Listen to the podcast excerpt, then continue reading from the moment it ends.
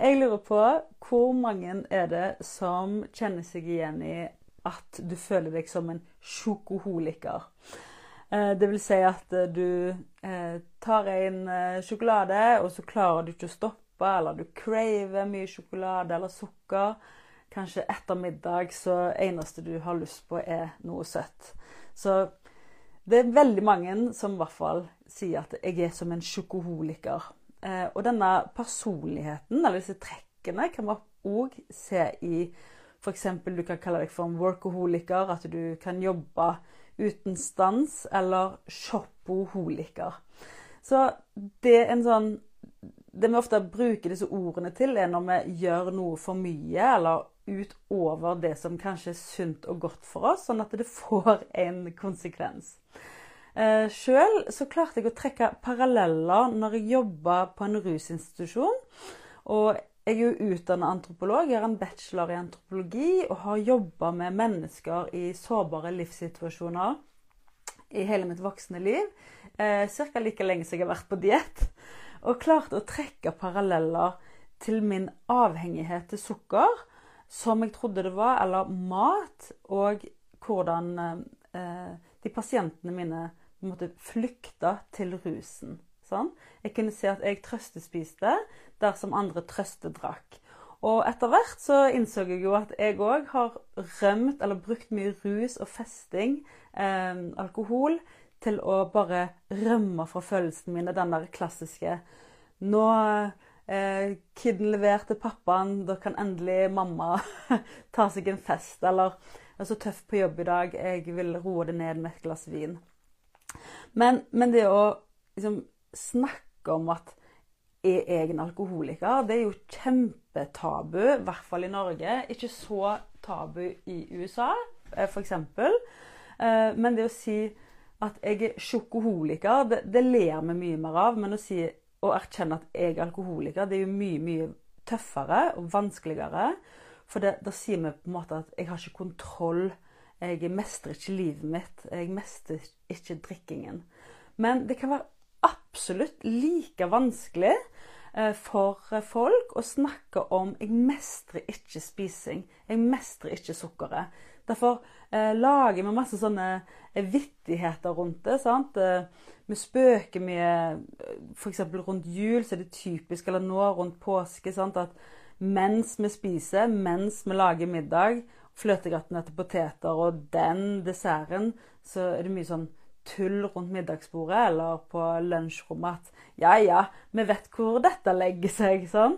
Eh, så blir det snakk om ja, etter påske eller etter jul, når det er januar, da begynner ny diett.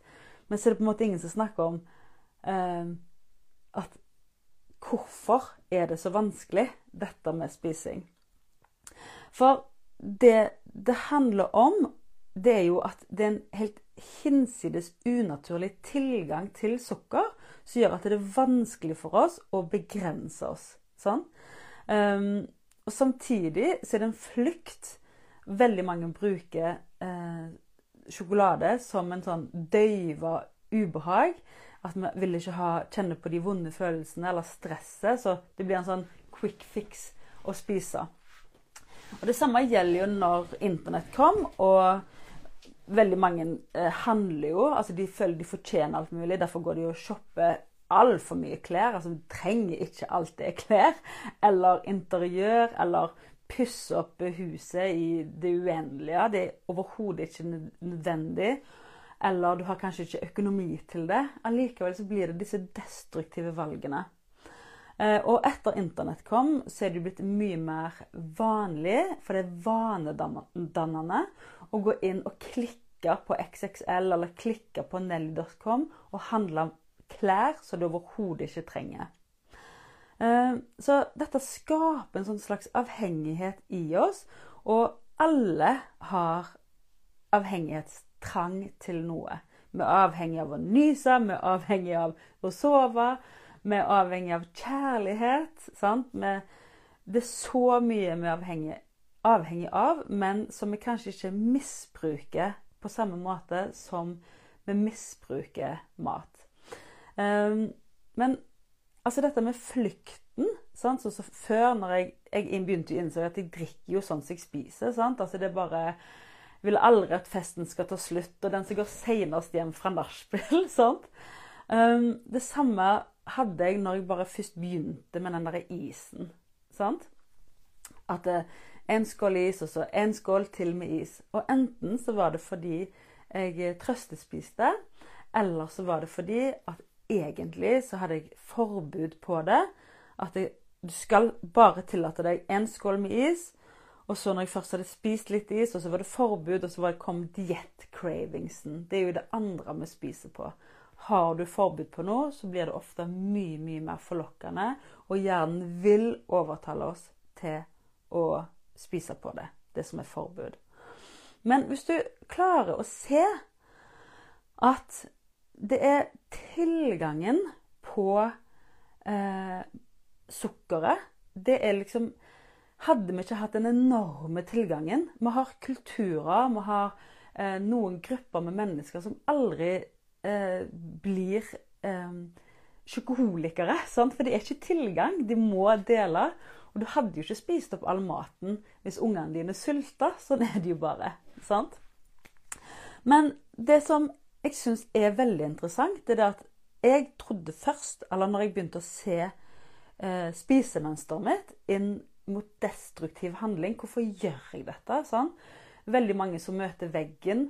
Eh, F.eks. Eh, du begynner å innse at du har forferdelig usunt drikkemønster, kanskje, og du føler du møter din personlige bånd. OK, da får du hjelp. sant? Eller du gambler opp hus og tar lån på konen din, kanskje, eh, så innser du at du har et problem, og kanskje søker hjelp. Håper jeg jo. Eh, ja, du må liksom oppleve noe skikkelig ille før Altså, det er så mange som kjenner at de holder på å jobbe seg i hjel, men en lytter ikke til kroppen sine signaler før du bare får en total shutdown. sant? Um, men det som jeg syns er så spennende, det var det at når jeg sjøl så mitt ekstreme destruktive spisemønster eh, når jeg jobba på den rusklinikken. Så um, hvis Jeg var jo motivert. Jeg ville jo bare bli slank. Jeg ville bare knekke slankekoden. Og jeg forsto ikke hvorfor jeg ikke bare klarte å, å liksom følge disse diettreglene. Sånn. Så først så tenkte jeg jo at jeg er avhengig av sukker. Og det er alle mennesker. Og jeg er fremdeles avhengig av sukker, sånn som jeg er avhengig av mange andre ting. Men jeg har lært meg å ikke misbruke det.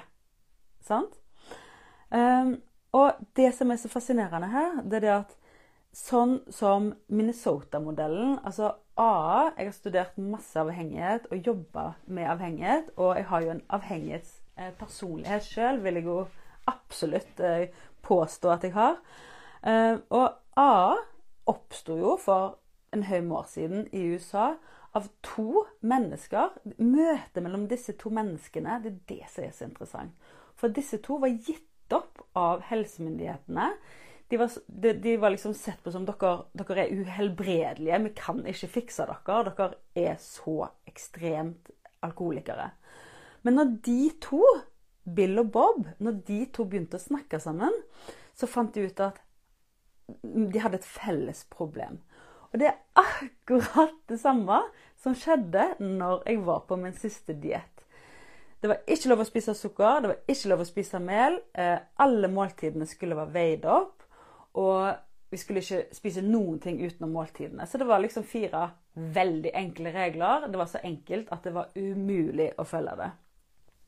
Og det var på den dietten, i i det fellesskapet på internett, at jeg tørte å åpne meg, fordi da følte jeg at jeg mista meg selv. Jeg følte at jeg møtte på en måte veggen. da. Eh, det var der jeg tørte å innrømme dette til ei annen. Og det er jo Jeg er så glad for at jeg vågte det, for det møtet med Anita, det var det som gjorde at jeg på en måte ble fri fra diett og klarte å knekke denne slankekoden. Og det er akkurat det samme som skjedde mellom Bill og Bob. Det møtet mellom de to. Da innså de at det å innrømme overfor noen andre hvordan de har det ehm, Det å fortelle historien sin Og det å på en måte innrømme at jeg vet ikke hvordan jeg skal få til dette. Jeg har prøvd alle dietter siden jeg var 17 og begynte å nærme meg 40. Hvordan i all verden skal vi få det til? Det å møte andre som har det likt, det er på en måte halve healing-prosessen. Eller vi kan kalle det for en tilfriskningsprosess, da. Sånn. Um, det samme gjelder for de som uh, har vi kaller det jo for spillegalskap, og det er jo forferdelig trist, men de som har avhengighet til gambling eller shopping eller porno, sex eller øh, alkoholikere, så handler det om Eller om du er pårørende. Bare tenk deg alle pårørendegrupper. Sant? Dette fellesskapet at øh, du tar ikke vekk sorgen når du er i en pårørendegruppe. Men hvis du føler deg sånn som jeg følte meg annerledes, jeg følte jeg ikke fikk det til Det å være i møte med Anita med at hun òg innrømte at ikke hun fikk det til det, det, jo, det gjør noe med at du ikke føler at du er så alene. For er det noe vi mennesker virkelig trenger, så er det å bli sett, hørt og forstått. Men hvis vi blir sett og hørt, men vi blir ikke forstått, F.eks. For av foreldre, av venninner, av behandler, av en, hvem som helst. Så, så, er det jo verre å åpne seg om ting. Selv om noen prøver å hjelpe deg, men de forstår deg ikke. Sånn som enhver ernæringsfysiolog som jeg har snakket med. De forsto meg jo ikke. For Kari Jakkesson sier at det er bare til å trene mer og spise mindre. Og så sånn er det ikke. sant? Så alle vet jo AA er blitt en kjempestor organisasjon som har hjulpet flere tusenvis av alkoholikere. Og det er, blitt, og det er jo derfra alkoholisme, dette med sjokoholiker, er kommet. Og workaholiker og shopoholiker Det er jo, det er jo fra det språket, sant? Um, så jeg innså at jeg tyr til mat når jeg er trist. Og det har jeg gjort mest sannsynlig hele livet. Hver gang jeg har kjent på en ubehag, så har jeg tydd til mat. Og det, hvordan du hvor, hvor, du på en måte eh, har fått din sjokoholiker-tendenser fra, det er det bare du som vet. Det kan være mange forskjellige ting. Eh, det kan òg være at vi var veldig fattige når jeg vokste opp. Og hver gang vi kom til mormor, så var det liksom åh, det var så mye deilig mat. Og det var akkurat som vi var på sånn fet camp når vi var på bondegården hos mormor fra studentbyen i Bergen. En annen ting var at når mamma hadde gjort eksamen sine, hun, for hun var student, og når hun hadde tid til oss, da bakte vi. Det var liksom det billigste hun kunne finne på, for vi hadde veldig dårlig råd. Men det var koselig. Vi gjorde noe sammen, og så smakte det jo veldig godt. Det er meg. Broren min, f.eks. Han oppvokste oppvokst i akkurat samme miljø. Akkurat like fattig, med akkurat den samme mormoren. Han har det helt annerledes. Han har aldri hatt trang til overspising, sånn som jeg har hatt. Men feilen min var jo at jeg trodde jeg måtte stoppe med sukker. Jeg trodde jeg var sukkeravhengig på en sånn måte at jeg kan aldri ha sukker i hus. Nå går det helt fint. Um, det som jeg òg var avhengig av, ble jo dietten. Sant? For vi flykter til jobb, vi flykter til oppussing, vi flykter til så mye rart. Eh, og eh, kjærlighetsforhold. Sant? Um, eller sosiale begivenheter. Eh, veldig mange har jo masse verv de egentlig ikke har tid til. Men vi flykter til det fordi den nåværende eh, Hvordan vi har det. Vi syns det er et eller annet som er vanskelig. F.eks. sånn som jeg hadde det før, så syntes jeg det var helt forferdelig å være hjemme alene. Jeg takla ikke å ikke ha noe å gjøre på. Eh, nå Jeg kan ikke huske sist jeg kjeda meg, for jeg har alltid noe å gjøre på alltid noe å studere eller lese. Det òg kan være en flukt. Men nå syns jeg det òg er deilig å bare være hjemme og slappe av. Um, men dietter kan òg ofte bli en flukt. Fordi vi klarer ikke å stå i følelsen. Det er et eller annet vi prøver å rømme fra, som gjør at um, dietten blir noe som jeg klarte å kontrollere. Sånn. Eh, eksempel den verste perioden jeg var på en sånn skikkelig ekstremdiett. Da hadde jeg samtidig mye gjeld.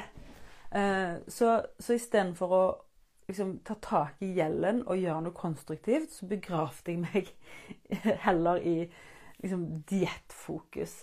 Så hvordan du kjenner deg igjen i din historie Det er helt unikt. Din historie er helt unik for deg. Men det som er så interessant, er at vi blir det vi forteller oss. Ikke sant? Um, så det som er så interessant, det er det å Når du deler med noen din historie, om du så ikke tør å dele det med noen, for det er så vanskelig Det er mye lettere å bare fjase det vekk og le av det og Ha-ha, jeg er sjokoholiker, eller eh, jeg er sukkernarkoman, eller jeg er whatever. Så er det mye vanskeligere å sette seg ned og kjenne etter hva er det jeg egentlig holder på med. Hva er konsekvensen av mitt spisemønster? Eller hva er konsekvensen av mitt drikkemønster eller shoppemønster, f.eks.? Hva, hva, er det jeg gjør? Så hvorfor gjør jeg det når konsekvensen er så stor? Og mitt mål er jo at du ikke skal trenge å møte veggen før du tar tak. Men vi tror ofte at det er så ekstreme tiltak som skal til for å klare å snu en destruktiv handling. Og, og det trenger ikke å være en kamp. Det trenger ikke å være så himla vanskelig. Um, det som skjer når du åpner deg, det er at du får satt ord på noe. Og når jeg deler med deg nå er jo det superlett. Det er alltid lettere å dele om noe når noe er forbi. Det er alltid lettere å være med i en pårørendegruppe når du har kommet deg over den verste sorgen. Sånn? Men når du våger å være åpen om utfordringene dine, så er det òg noe med at du berører noe med det som er ærligheten i deg. For vi er jo blitt eksperter på å skjule ting. Alt skal være så lett. Eh, vi skal gå rundt og være lykkelige og være så takknemlige for alt mulig. Men når vi er åpne og ærlige og innrømmer at dette syns jeg er vanskelig, så legger vi òg Det åpner vi opp noen dører da, for å finne en løsning her. Sant? Det er da mulighetene kommer fram. For når du har delt noe, så er det samtidig Da kommer på en måte dette ansvaret inn. OK, nå har jeg sagt det høyt til noen. Nå må jeg gjøre noe med det.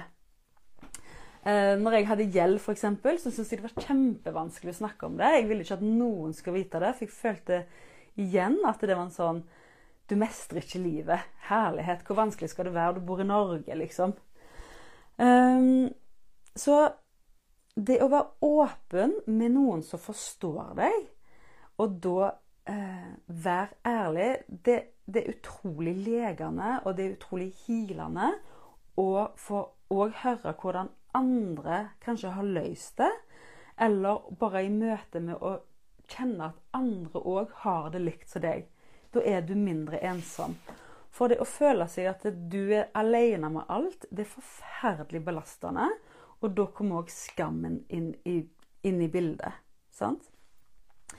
Så det å tørre å åpne deg og vite at det er andre som er i din situasjon Det er ikke du som er gal, men å få forståelse av at det er noe større Det er forskjellige faktorer som er med å påvirke og trigge til at du har det sånn som du har det. Det er ikke din hjerne det er noe feil med.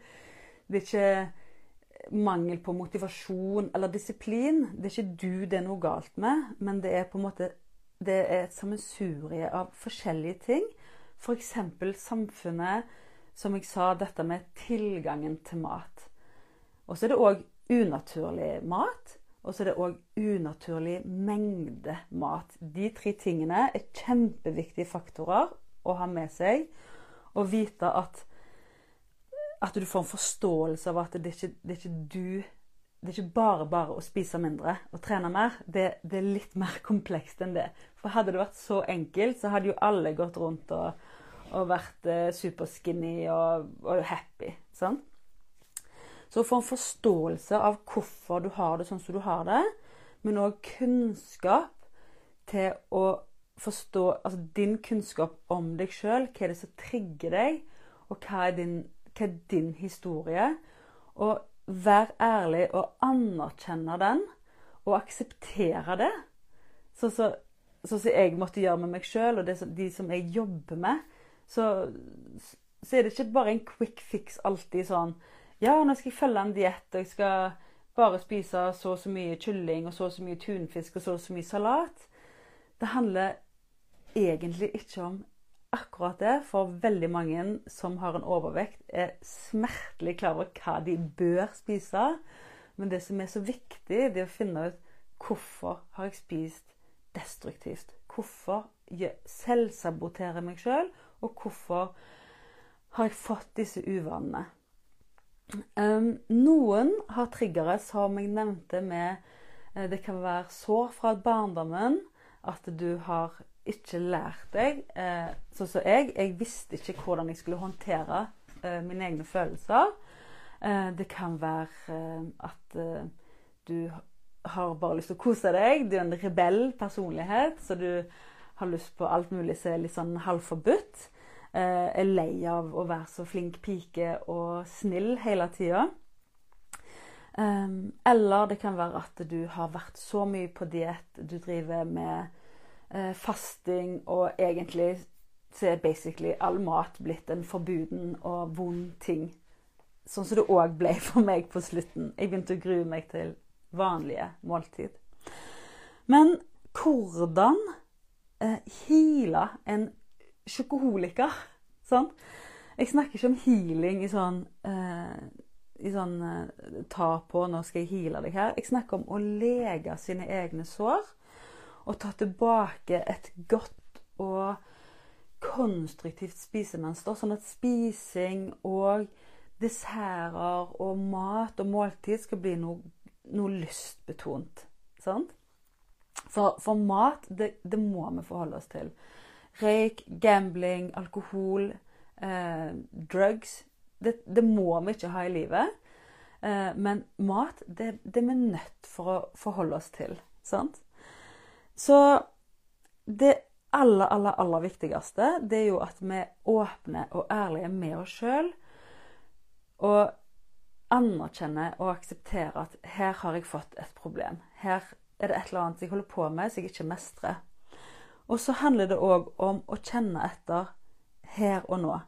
Tåle å være her og nå. Tåle ubehag. Når det kommer en cravings. Si at du er en av de som har det helt fantastisk. Du har hatt en trygg og god oppvekst. Det er liksom ikke noe spesielt. Du kjenner at eh, Det er ikke noen sånne vonde følelser du kjenner du spiser på. Det kan hende at eh, du bare syns middagen er så god at du bare overspiser og spiser til du er stappmett. Sånn.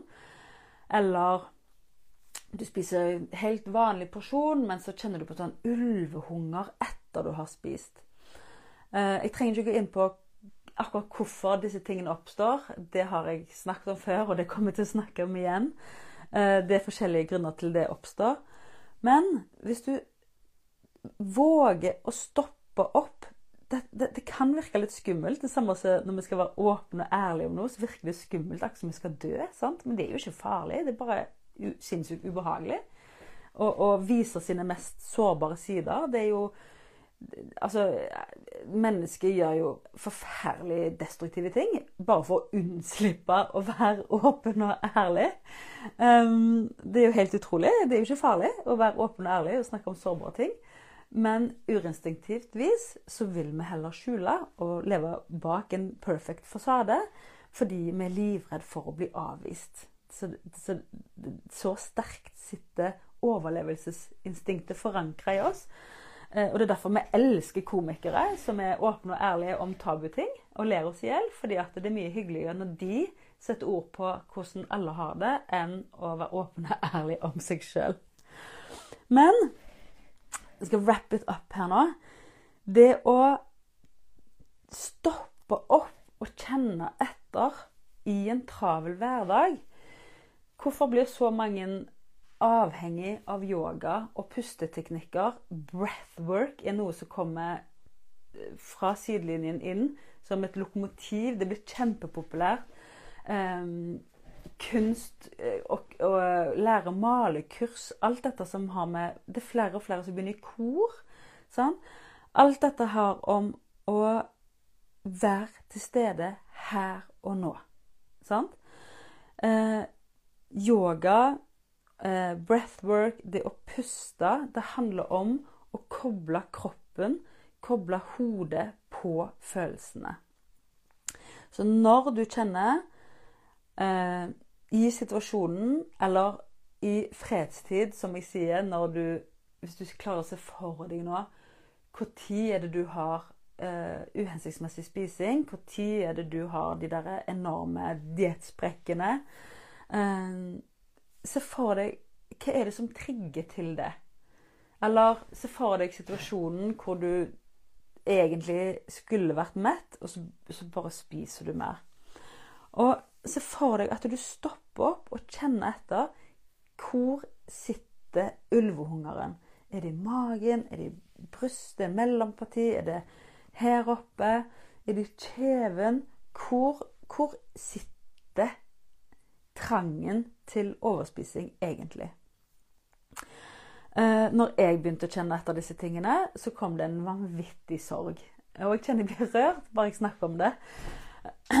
For hvis du har vært snill pike, eller hvis du har prøvd å eh, være den som lager minst mulig støy, og kanskje du har fått beskjed om at du må dempe deg, så er det veldig mange som spiser på Altså, egentlig har du lyst til å skrike, du har lyst til å snakke, og så tør du det ikke, og så spiser du på å holde eh, ord nede.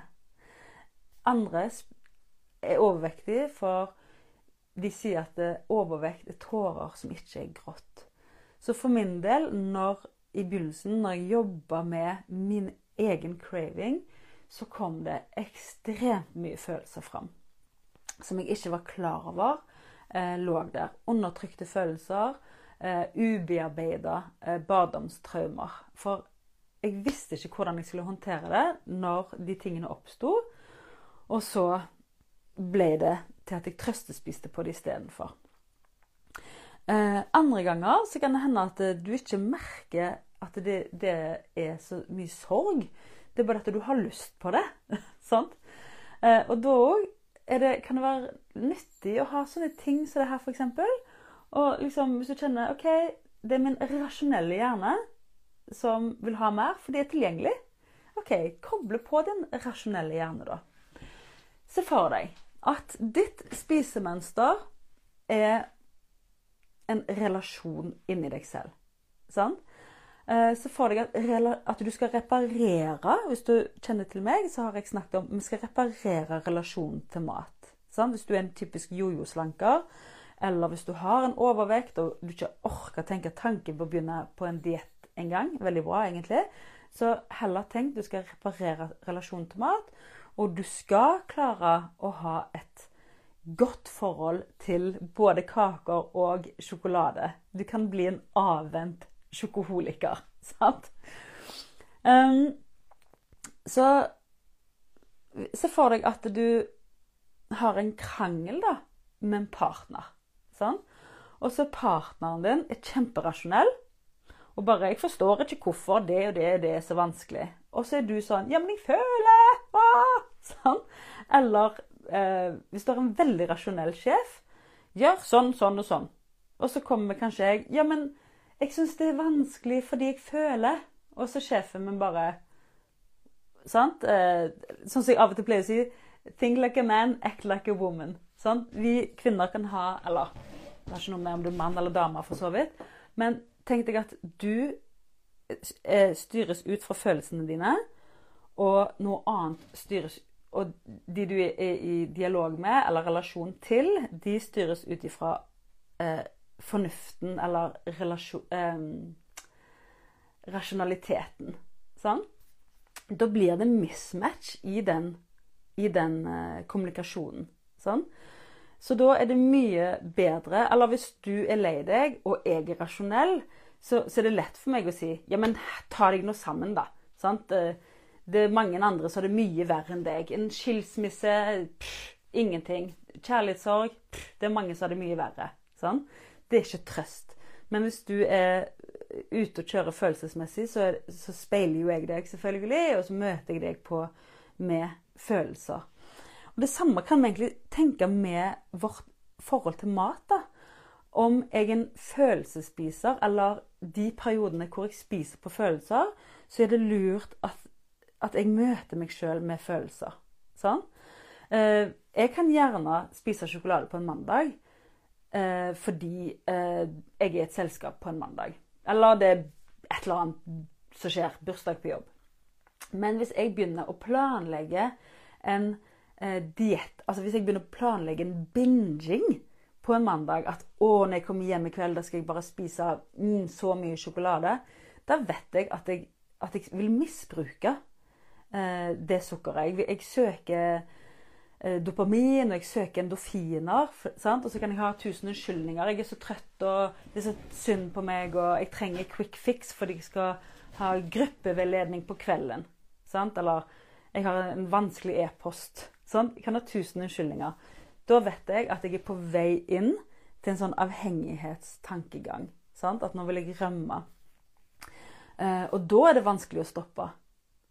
Um, men så, så, det å møte Hvis jeg ser at nå vil jeg spise på følelsene mine, eller jeg har masse unnskyldninger til hvorfor jeg må få lov å spise, så vet jeg at dette Når jeg på en måte på en dårlig bad trip Det er det samme som hvis du drikker alkohol, og så er du invitert i utdrikningslag. Det er naturlig for deg å drikke alkohol.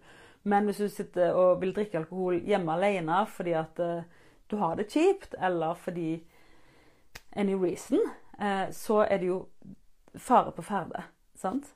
Um, og det samme hvis at du eh, er rasjonell, sant? så kan det være greit å vente til den du er i dialog med, òg er rasjonell. Sant? For vi må komme ut av følelsene våre for å komme ut av hjertet, og så komme opp i hjernen, koble hjernen på hjertet. Da kan vi være rasjonelle. Sant? Så hvis du på en måte har en overspising, eller du tar uhensiktsmessige spisevalg. Fordi ja, jeg har jo um, Jeg fysen på noe søtt. sant? Jeg har jo fyllefrysen med is. Um, ja, det passer i kveld. Det er kamp. Uh, så kan du òg koble på den rasjonelle hjernen. da, at uh, Er det poenget, det? Hva får jeg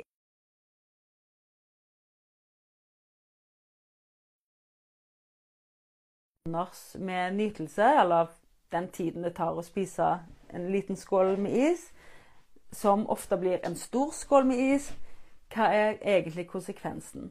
Og som jeg har snakket om før, så er det ikke den ene bolla med is en mandag kveld som er så krise. Det er når det blir et problem at vi får en overvekt eller hatprat, eller at eh, at uh, det går utover noe, det er jo da vi får ut, Det er da det blir et problem. Sant? Så hvis du møter rasjonalitet med rasjonalitet sant? Hvis du er en sånn person at du, du, ikke, du spiser ikke så mye på følelser, men andre ting, så kan du òg bruke din rasjonelt sterke hjerne da, til å komme ut av det destruktive spisemønsteret. Sånn? Uh, og jeg er for sent hjemme fra jobb. Jeg springer innom McDonald's. Quick fix. Da kan det være like kjapt å kjøre innom Meny og kjøpe en salatbar, f.eks. Så kjenn etter. Hva er det du trenger? Møt følelsene dine med følelser, eller møt, uh, møt deg med rasjonalitet hvis det er det at du er bygd Eh, på den andre måten. Reparere relasjonen i seg sjøl. Det samme gjelder ditt forhold til økonomi, ditt forhold til penger, ditt forhold til mat og spising. Same, same. Og følelsen etterpå å bli fri fra gjeld, bli fri fra overvekt og føle seg stolt i egen kropp, eller vite at du klarer å betale regningene dine, det er en helt fantastisk følelse når du har vært på den andre siden. Og de som aldri har vært overvektige, eller aldri hatt gjeld, eller aldri hatt noe destruktive heng, aldri vært hekta på noe, de vet ikke hva det er snakk om. Så vær åpen, vær ærlig, ta deg tid til deg selv, og del det du sliter med, med noen som du tror vil forstå. Og jeg har ledig én-til-én om du ønsker å få hjelp av meg. Ehm, jeg har òg gruppeveiledning som åpner snart. Og det er det som skjer i de, gruppe, eh, de gruppemøtene. Det er helt magisk. Det å treffe andre som har det likt som deg, det er Igjen, jeg repeterer meg nå, men det er en enormt stor del av hele healing-prosessen. All right. Så ta kontakt hvis du ønsker at jeg skal hjelpe deg. Og send gjerne spørsmål hvis du lurer på anything, noen spørsmål. Jeg syns kanskje ingenting er tabu å snakke om nå. Uh, etter jeg har begynt. Altså Når du først har begynt å snakke om vanskelige ting, så er det det er på en måte ingen vei tilbake. Så hvis det er noe du lurer på med mat og spising og vanskelige ting i forhold til måltid, eh, familierelasjoner eller det med å sette gode grenser for seg sjøl, så er det bare til å ta kontakt. Eh, pris én til én. Eh, jeg har akkurat fått ny hjemmeside, så nå ligger endelig alt ute. Så hvis du går inn på diettfri.no og scroller litt ned der, så ser du pris 1 til 1 og gruppepris.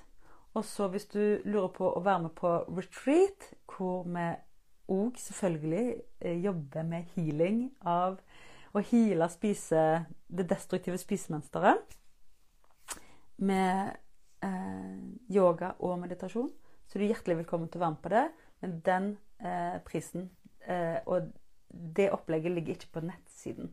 Men uh, send en uh, melding hvis du lurer på anything med priser, retreat, én-til-én eller gruppeveiledning. All right. Da er jeg ferdig snakka. um, skap deg en god, god, god dag. Uh, det er fullt av fristelser overalt. Det er det alltid. Men Kjenn etter. Hvordan vil du ha det? Hva trenger du nå? Og hva kan du gjøre i nå for å få det bedre nå? Og hva kan du gjøre i dag for å få det bedre i morgen? All right? Da snakkes vi på. Takk for dere som lytter, sånn at jeg har en plass å dele. Hei da!